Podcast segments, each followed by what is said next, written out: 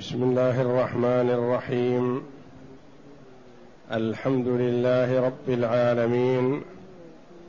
والصلاة والسلام على نبينا محمد وعلى آله وصحبه أجمعين. وبعد. بسم الله. أعوذ بالله من الشيطان الرجيم.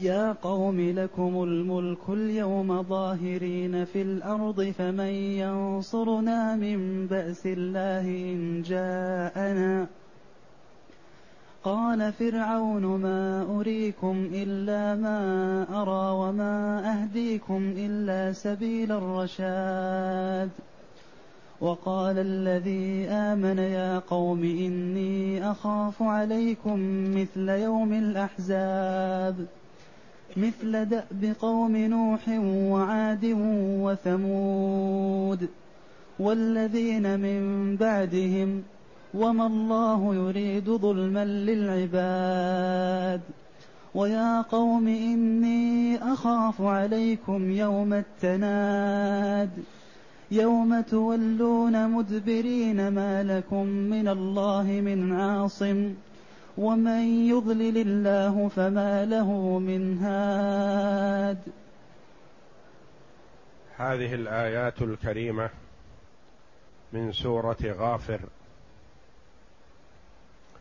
وقبلها قول الله جل وعلا وقال رجل مؤمن من آل فرعون يكتم إيمانه أتقتلون رجلا أن يقول ربي الله؟ وقد جاءكم بالبينات من ربكم وإن يك كاذبا فعليه كذبه وإن يك صادقا يصبكم بعض الذي يعدكم. إن الله لا يهدي من هو مسرف كذاب. يا قوم لكم الملك اليوم ظاهرين في الأرض. فمن ينصرنا من بأس الله إن جاءنا؟ قال فرعون ما أريكم إلا ما أرى وما أهديكم إلا سبيل الرشاد. الآيات. هذا الرجل الذي وفقه الله جل وعلا لدعوة قومه وتصديق موسى عليه وعلى نبينا أفضل الصلاة والسلام. أخذ يتحبب قومه ويدعوهم إلى الله جل وعلا برفق ولين. سنة الأنبياء عليهم الصلاة والسلام. فالداعي إلى الله لا بد أن يتحلى بالرفق. واللين والسماحة وعدم الغضب لينجح في دعوته وليستفيد منه الآخرون. أما بالشدة والغلظة والقسوة فينفر من المرء أهله وأولاده وأقاربه. كما قال الله جل وعلا ولو كنت فظا غليظ القلب لانفضوا من حولك. ما ألفك الناس؟ وقال الله جل وعلا لموسى وهارون عليهما الصلاة والسلام لما أرسلهما إلى فرعون الذي هو أشقى خلق الله في وقته فقولا له قولا لينا لعله يتذكر أو يخشى. والله جل وعلا يعلم أزلا أن فرعون لا يتذكر ولا يخشى لأنه جل وعلا يعلم ما العباد عاملون قبل أن يخلقهم. ولكنه جل وعلا يشرع لعباده. فقولا له قولا لينا لعله يتذكر أو يخشى. وقال الله جل وعلا لعبده ورسوله محمد صلى الله عليه وسلم ادع إلى سبيل ربك بالحكمة والموعظة الحسنة وجادلهم بالتي هي أحسن. فهذا الرجل المؤمن تقدم أول خطابه في درس أمس واليوم يقول لهم يا قومي يا قومي إشعار بأني أنا منكم وأنتم مني ويهمني ويهمكم ما يهمني ويهمني ما يهمكم فأنا وأنتم شيء واحد شركاء في الخير وشركاء في الشر. يا قومي يا أصحابي يا أحبابي. لكم الملك اليوم ظاهرين في الأرض فمن ينصرنا من بأس الله إن جاءنا. انظر كيف فرق. جعل ما يتعلق بدن بدنياهم لهم. فقال يا قوم لكم الملك اليوم ظاهرين في الأرض. ما قال لنا الملك؟ قال لكم. وفي حال البأس قال أنا شريككم. فمن ينصرنا ما قال فمن ينصركم؟ كأنه بعيد عنهم ولا يهتم لهم. قال فمن ينصرنا. في حال النعمة والغبطة وما هم فيه جعلها لهم ما شاركهم فيه. لكم الملك اليوم ظاهرين في الأرض وفي حال الشقاء والبؤس والعذاب قال فمن ينصرنا؟ يعني أنا شريككم في هذا. فمن ينصرنا من بأس الله؟ بأسه قوته وعظمته. وتسليطه.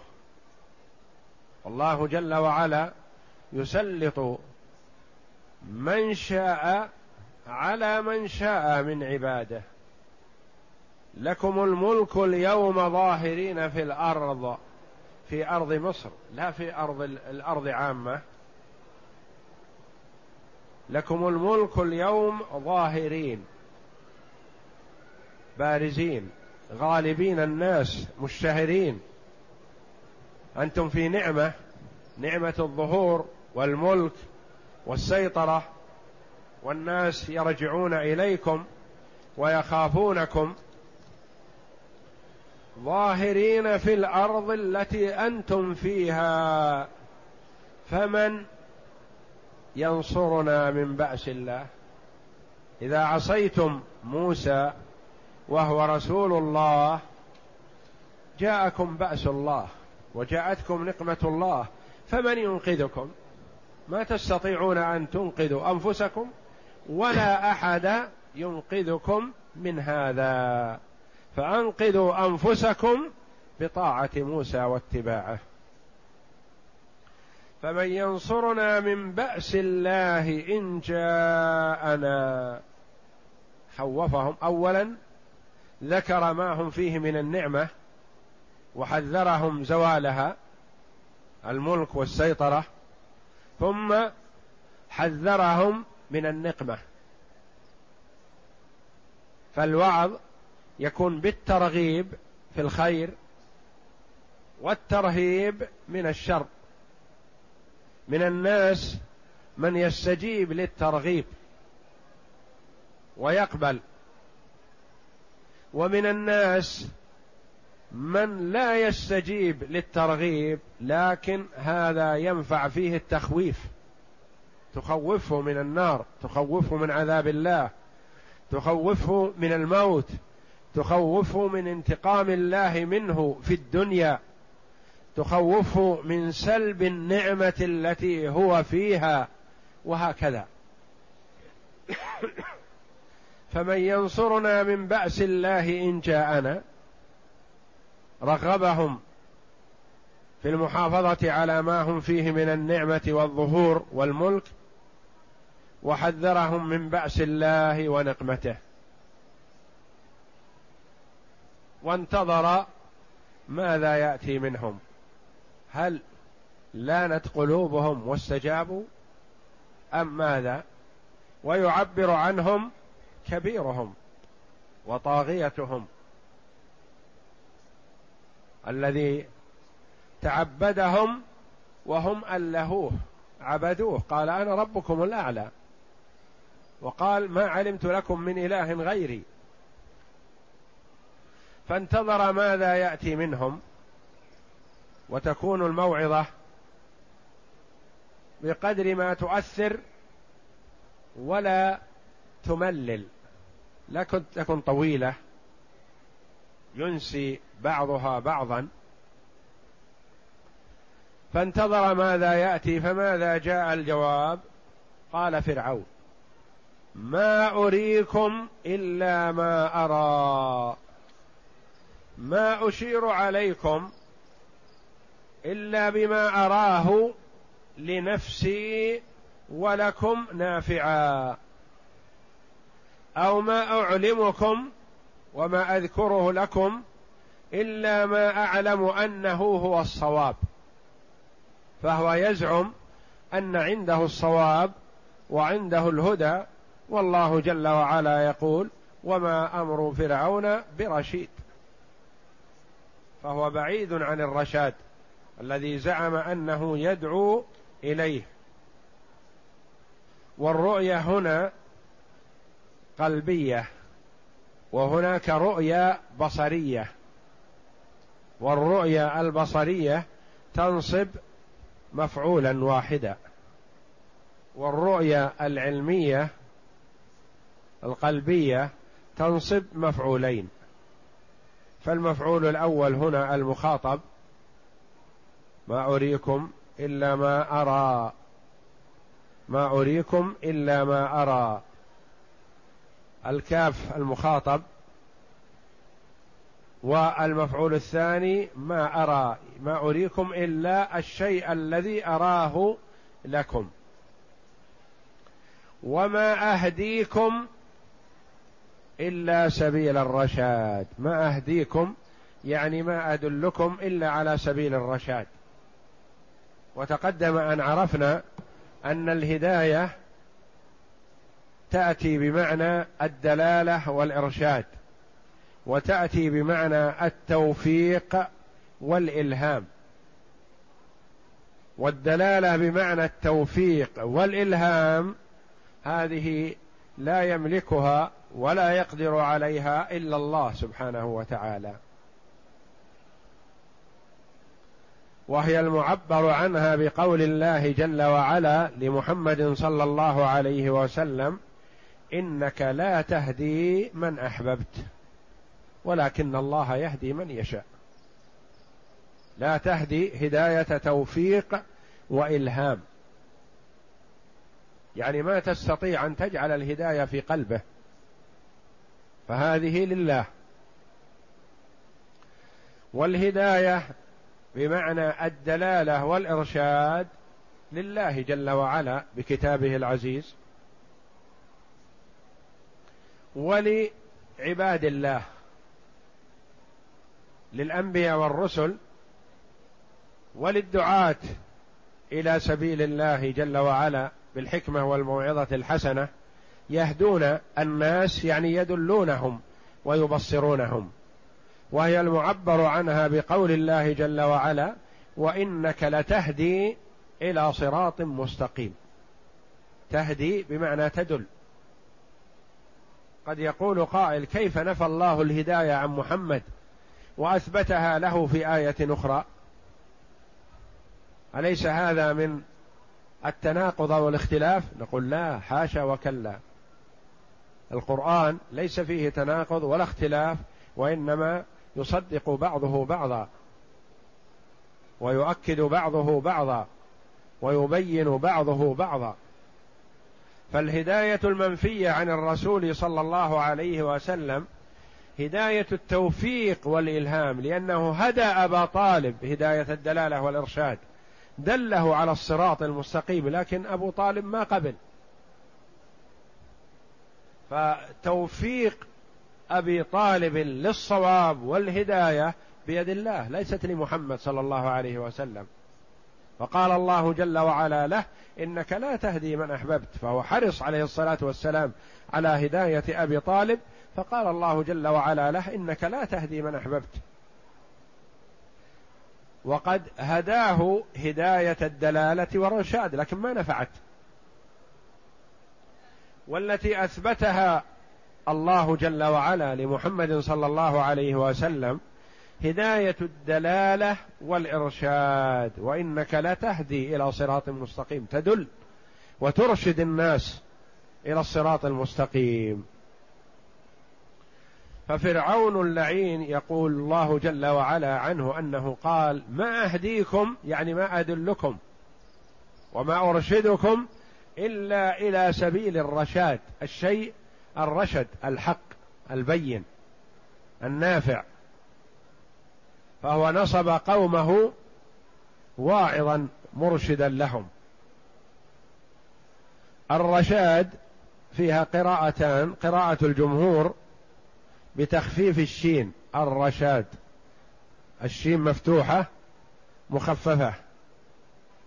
وقرأ معاذ بن جبل رضي الله عنه بتشديدها على أنها صيغة مبالغة كضراب وما أهديكم إلا إلى سبيل الرشاد.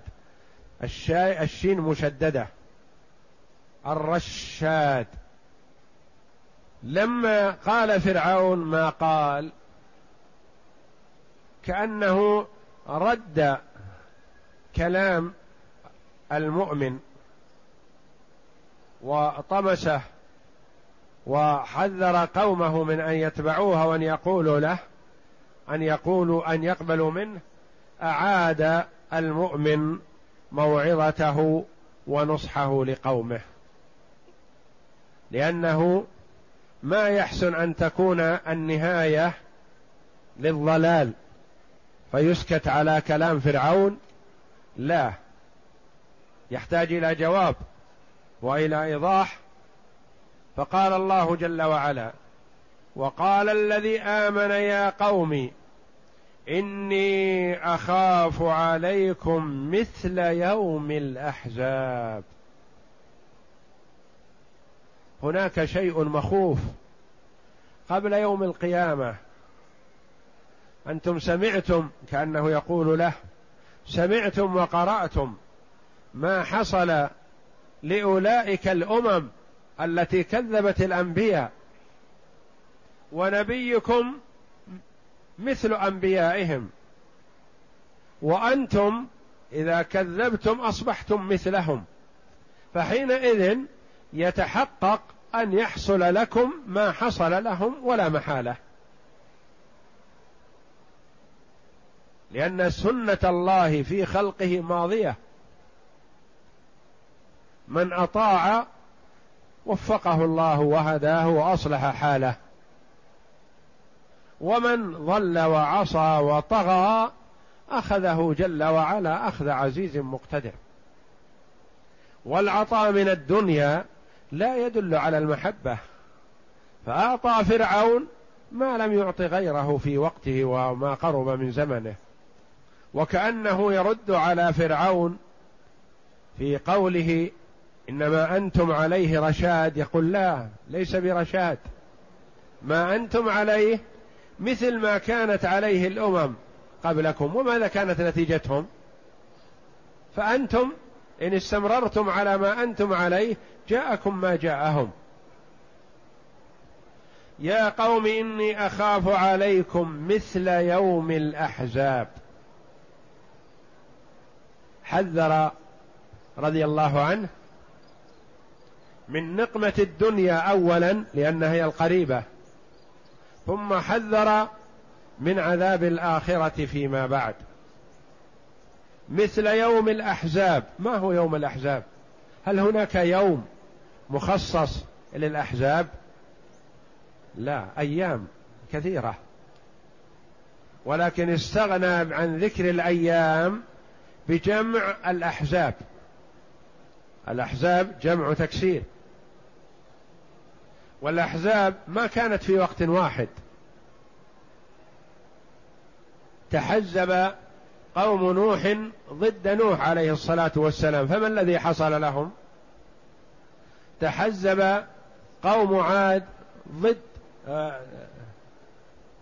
تحزبت عاد ضد نبيها وتحزبت ثمود ضد نبيها صالح عليهم الصلاة والسلام. فماذا كانت النتيجة؟ هؤلاء كلهم قبل قوم فرعون.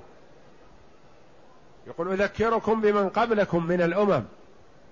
مثل دأب قوم نوح وعاد وثمود والذين من بعدهم إلى عهدكم. ماذا كانت مصير الظالمين؟ الذين ردوا دعوة الرسل أهلكهم الله جل وعلا وانتقم منهم وعلمتم ذلك لأن هذا شيء ظاهر غير خفي. فهو يحذرهم من مصارع الأمم قبلهم. والسعيد من وعظ بغيره. السعيد من تأمل حال غيره فاتعظ بها. والشقي والعياذ بالله من غفل وأهمل وضيع حتى يأتيه عذاب الله وهو في غرة وفي جهالة وعلى غير استعداد ولا تخوف. وما الله يريد ظلما للعباد. الله جل وعلا أولئك الأمم أخذوا وانتقم الله منهم وهل الله جل وعلا ظلمهم؟ كأنه يقول ما أخذوا بعذاب الله فقط عذاب من الله جل وعلا بدون سبب لا. الله جل وعلا لا يعذب قوما إلا بسبب. بسبب ضلالهم وإعراضهم ووقوعهم في معاصيه جل وعلا يغار.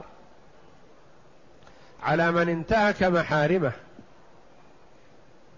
وهذه سنة الله في خلقه. من أول الدنيا إلى أن يرث الله الأرض ومن عليها. كما ثبت في الحديث الصحيح عن النبي صلى الله عليه وسلم أنه في هذه الأمة يكون مسخ وخسف ويمسخ أقوام قردة وخنازير. يبيتون على لهوهم وشربهم واغترارهم بآيات الله جل وعلا فينتقم الله جل وعلا منهم فيمسخهم قردة وخنازير.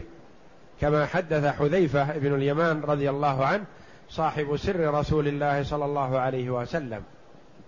لما خوف قوما قالوا له ما بقي إلا أن تقول سيكون فيكم قردة وخنازير. قال إي والله سيكون سيمسخ أقوام قردة وخنازير من هذه الأمة. إذا عصوا أمر الله جل وعلا واستهتروا ووقعوا في الحرمات ولم يبالوا بذا ب ب بالله جل وعلا ولا خافوا منه انتقم الله جل وعلا منهم. فليس بينه وبين خلقه نسب. كما أن المتمسك بدينه في آخر الزمان له أجر خمسين. قالوا يا رسول الله منا أو منهم؟ قال بل منكم. يعني أجر خمسين من الصحابة. فضل التمسك في الدين عند غربته. وما الله يريد ظلما للعباد. فالله جل وعلا ما ظلم أولئك الأمم لما انتقم منهم. وكأن هذا المؤمن يقول وأنتم إذا عذبكم الله جل وعلا وانتقم منكم فما ظلمكم لأنكم أنتم ظلمتم أنفسكم بانتهاك حرمات الله ومعصية رسله. وما الله يريد ظلما للعباد. فالله جل وعلا لا يحب من عباده أن يعصوه وهو يحب العفو والمغفرة لمن طلبها وسأل الله إياها وتلمسها. أما من تنكب الصراط المستقيم وبعد عن الحق ولم يبال بالله جل وعلا ولم يخف منه فالله جل وعلا ينتقم منه وهو جل وعلا ما ظلمه. وما الله يريد ظلما للعباد. وكما قال النبي صلى الله عليه وسلم في الحديث القدسي عن ربه جل وعلا أن الله جل وعلا يقول يا عبادي إني حرمت الظلم على نفسي وجعلته بينكم محرما فلا تظالموا. لا يظلم بعضكم بعض والله جل وعلا حرم الظلم على نفسه فهو لا يظلم الناس شيئا ولكن الناس أنفسهم يظلمون. ويا قوم يكرر النداء. والنسبة إليه يا قوم إني أخاف عليكم يوم التناد. حذرهم يوم الأحزاب الذي هو الانتقام في الدنيا ثم حذرهم من يوم القيامة. يا قوم إني أخاف عليكم يوم التناد. التناد فيها قراءات بتخفيف الدال وحذف الياء التنادي. وبتخفي وبإثبات الياء. يوم التنادي. وبتشديد الدال بدون الياء. يوم التناد. والمعنى يختلف. يوم التناد أو يوم التنادي بإثبات الياء معناها المنادات. ينادي بعض القوم بعضا. وبتشديد الدال بمعنى ند فلان بمعنى ذهب وأبعد. يقال مثلا ند الصيد. يعني أنت قربت من الصيد كدت أن تصيده فهرب وذهب. وقال العلماء الفقهاء في تذكية الناد من أي جهة ضربته من جسمه فأدماه فقد حل وإن لم ينحر ولم يذبح. مثل صيد غزال مثلا تريد أن تقبض عليها لتذكيها ما استطعت. فأطلقت عليها البندقيه فأصابتها في فخذها فماتت ولم تذكها فهي حلال لأن الصيد الناد يجوز إصابته من أي جهة ومثل ذلك لو ند من الأشياء الإنسية ند البعير مثلا ذهب وانطلق وشرد ما استطعت أن تسيطر عليه أطلقت عليه آه، بندقية أو سهم أو نحو ذلك فأصابته في فخذه أو في صدره أو في أي مكان منه فبقي مكانه ومات. يكفيه هذا لأن هذا يعتبر ناد والناد من أي جهة أصبته من بدنه؟ آه، حل أكله. فالناد بالتشديد يعني المبعد. يوم الند الهروب والشرود ونحو ذلك. وذلك أن أنه على هذا المعنى يوم التناد يعني أن الكفار والمجرمين يساقون إلى نار جهنم. فإن فلأي مكان هربوا إليه وإذا الملائكة قد قبضت الطريق عليهم وعادتهم إلى نار جهنم. ما ليس لهم مفر. فهو يوم هروب بالنسبة للظالمين. وأما على معنى التنادي فهو كما قال الله جل وعلا ونادى أصحاب الأعراف رجالا يعرفون كلا بسيماهم. ونادى أصحاب الجنة أصحاب النار أن قد وجدنا ما وعدنا ربنا حقا فهل وجدتم ما وعد ربكم حقا؟ قالوا نعم. ونادى أصحاب النار أصحاب الجنة أن أفيضوا علينا من الماء أو مما رزقكم الله. قالوا إن الله حرمهما على الكافرين. فهو على معنى التنادي أنه يكون فيه منادات من بعض القوم لبعض. ينادي الأخيار الفجار نداء توبيخ. ينادي الفجار الأخيار نداء استرحام واستعطاف. أفيضوا علينا من الماء أو مما رزقكم الله. ينادي أصحاب الأعراف رجالا يعرفونهم بسيماهم. جمعوا من الدنيا ما جمعوا وجمعوا من الجاه والسيطرة والولاية. وغير ذلك من ما يهتم له للدنيا لكن ما أغنى عنهم شيء في الدار الآخرة. ونادى أصحاب الأعراف رجالا يعرفونهم بسيماهم قالوا ما أغنى عنكم جمعكم وما كنتم تستكبرون. جمعكم في الدنيا ما جمعتم كله ذهب ولا ينفع إلا العمل الصالح. كما قال النبي صلى الله عليه وسلم إذا مات ابن آدم تبعه ثلاثة أهله وماله عمله فيرجع اثنان ويبقى واحد يرجع أهله وماله ويبقى عمله هو قرينه. المال والجاه والأهل والأصحاب الذي يتعزز بهم ويتقوى بهم ويشفعون له وينفعونه ويخدمونه. كل هؤلاء يذهبون. يبقى العمل هو القرين. ويا قوم إني أخاف عليكم يوم التناد يوم القيامة. وكلا المعنيين صحيح. يوم التناد يوم الهروب صحيح. يهرب أهل النار لكن لا مهرب لهم.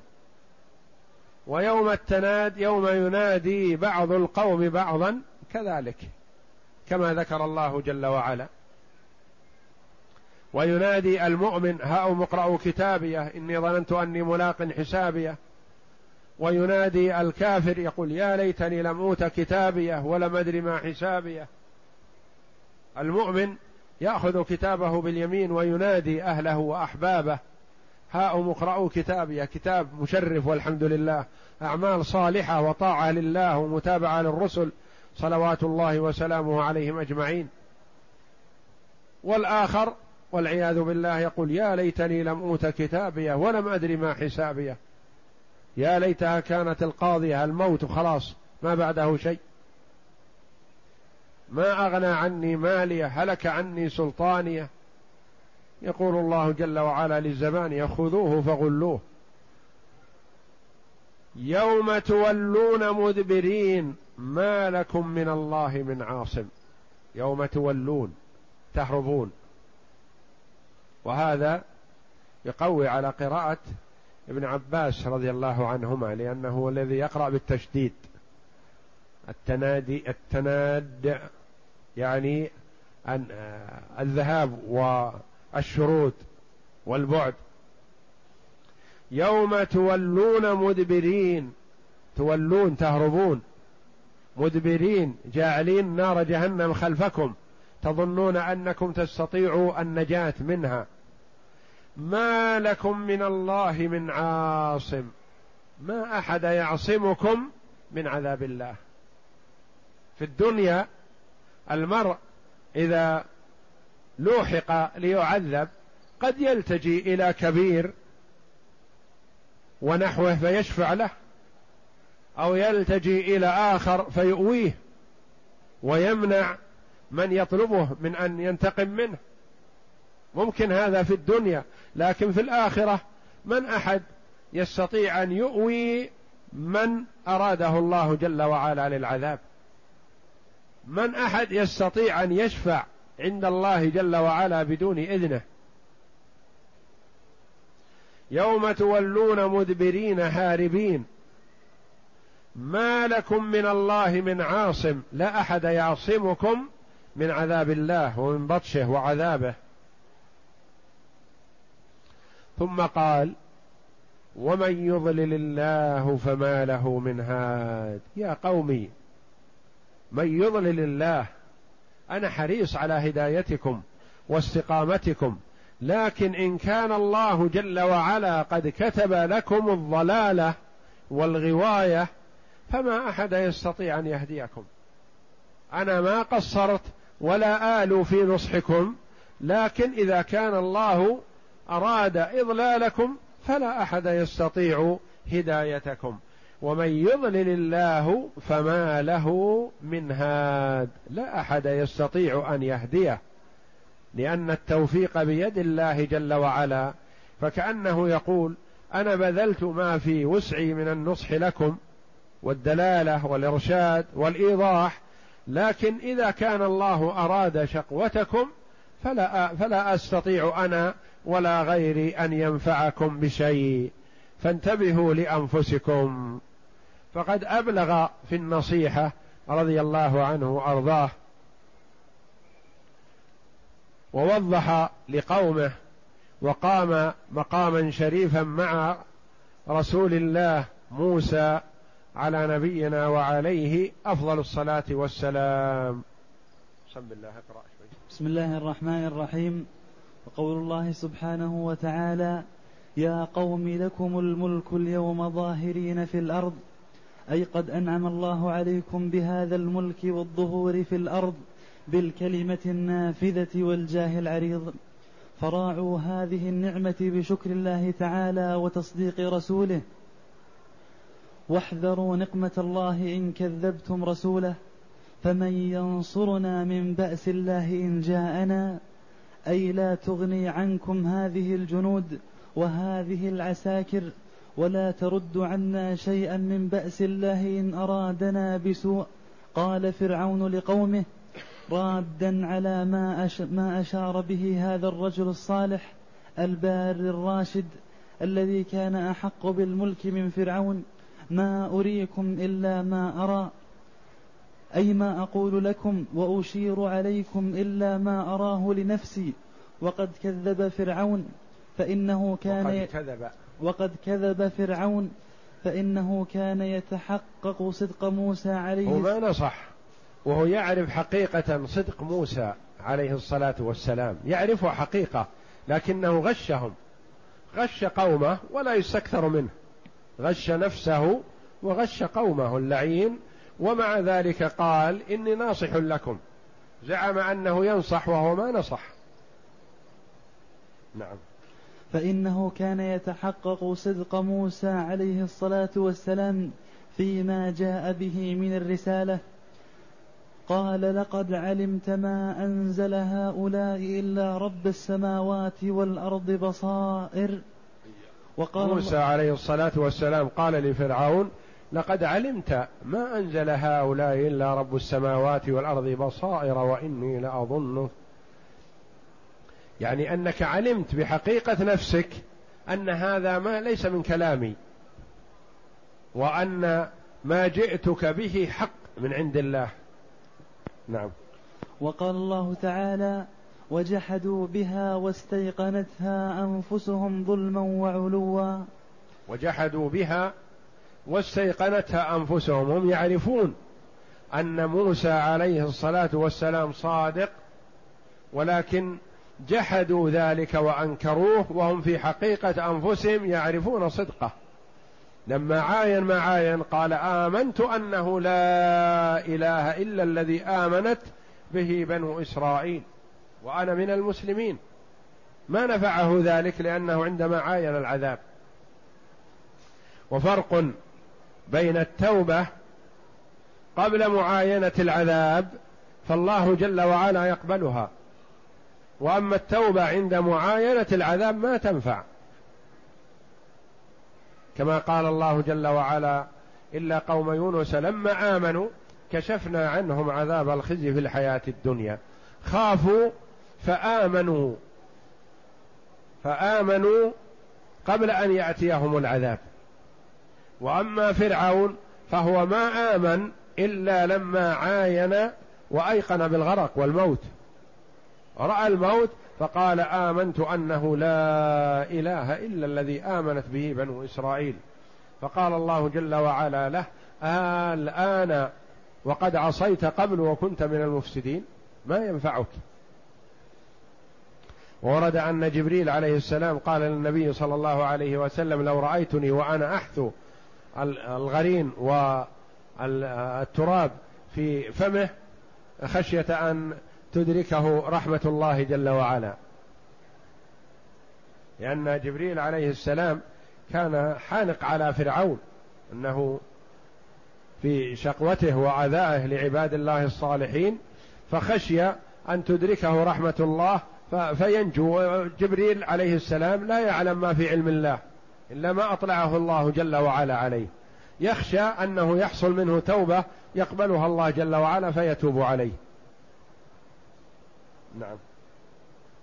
وقوله ما أريكم إلا ما أرى كذب فيه وافترى وخان الله تبارك وتعالى ورسوله ورعيته فغشهم وما نصحهم وكذا قوله وما أهديكم إلا سبيل الرشاد أي وما أدعوكم إلا إلى طريق الحق والصدق والرشد وقد كذب أيضا وقد كذب أيضا في ذلك وإن كان قومه قد أطاعوه واتبعوه قال الله تبارك وتعالى فاتبعوا أمر فرعون وما أمر وما أمر فرعون برشيد.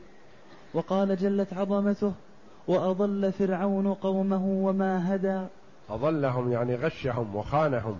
نعم. وفي الحديث ما من إمام يموت يوم يموت وهو غاش لرعيته إلا لم يرح رائحة الجنة وإن ريحها ليوجد من مسيرة خمسمائة عام. والله سبحانه فمن ولاه الله جل وعلا ولاية صغيرة كانت أو كبيرة وجب عليه أن ينصح ووجب عليه أن يحميهم من كل ما يضرهم وأن يدلهم على كل ما ينفعهم ويهتم لهم كما يهتم لنفسه ولعياله.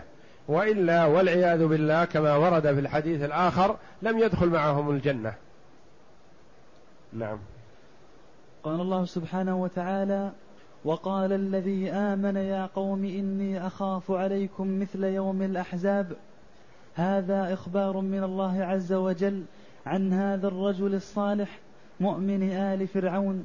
أنه يحذر قومه بأس الله بأس الله تعالى في الدنيا والآخرة فقال يا قوم إني أخاف عليكم مثل يوم الأحزاب.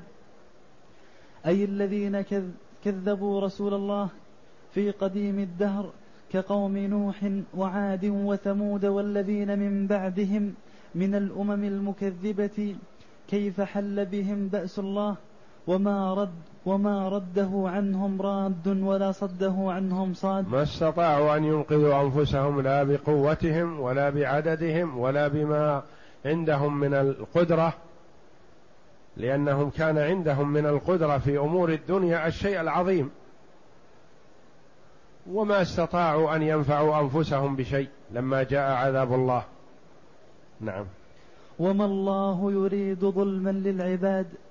أي إنما أهلكهم الله تعالى بذنوبهم وتكذيبهم رسوله ومخالفتهم أمره فأنفذ فيهم قدره ثم قال يا قوم إني أخاف عليكم يوم التناد يعني يوم القيامة وسمي بذلك. قال بعضهم لما جاء في حديث الصور أن الأرض إذا زلزلت وانشقت من قطر إلى قطر وماجت وارتجت. فنظر الناس إلى ذلك ذهبوا هاربين ينادي بعضهم بعضا. وقال آخرون منهم الضحاك بل ذلك إذا جيء بجهنم. ذهب الناس هربا ذهب الناس هربا منهم فتتلقاهم الملائكة فتردهم إلى مقام المحشر. وهو قوله تعالى والملك على أرجائها وقوله يعني حراس في أطراف الأرض يحرسون ما أحد يستطيع أن يفلت. نعم. يا معشر الجن والإنس إن استطعتم أن تنفذوا من أقطار السماوات والأرض فانفذوا. لا تنفذون إلا بسلطان. لا تنفذون إلا بسلطان يعني بقوة وليس لكم قوة. نعم. وقد روي عن ابن عباس رضي الله عنه والحسن والضحاك أنهم قرأوا يوم التناد بتشديد الدال من ند البعير إذا تردى من ند ند البعير إذا ذهب. نعم. وذهب وقيل لأن الميزان عنده ملك إذا وزن عمل العبد فرجح نادى بأعلى صوته ألا قد سعد فلان ابن فلان. يعني في منادات سواء كانت من الناس بعضهم لبعض أو من الملك.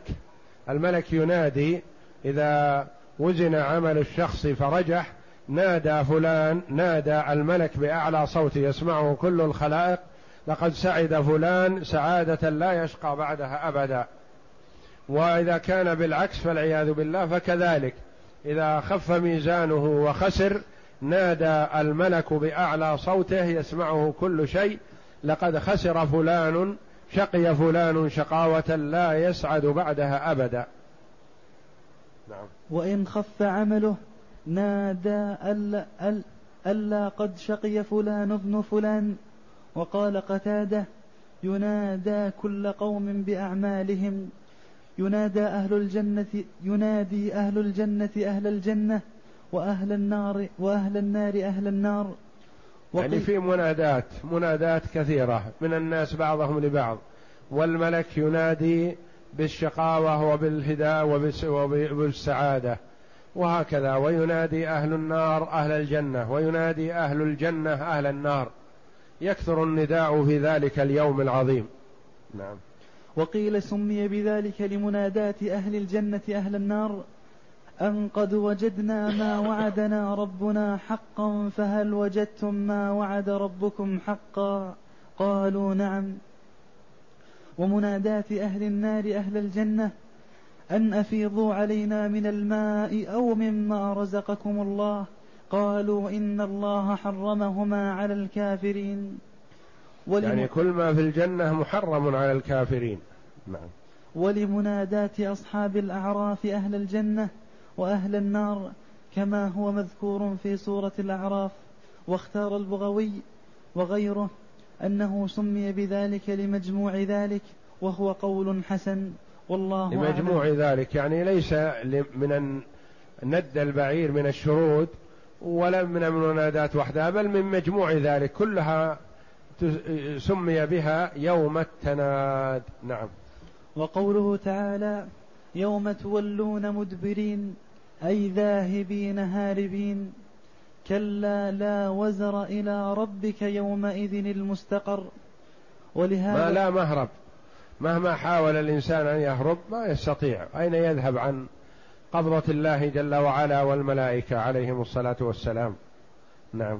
ولهذا قال عز وجل ما لكم من الله من عاصم أي لا مانع يمنعكم من بأس الله وعذابه ومن يضلل الله فما له من هاد اي من اضله الله فلا هادي فلا هادي له غيره. والله اعلم. وصلى الله وسلم وبارك على عبد ورسول نبينا محمد وعلى اله وصحبه اجمعين.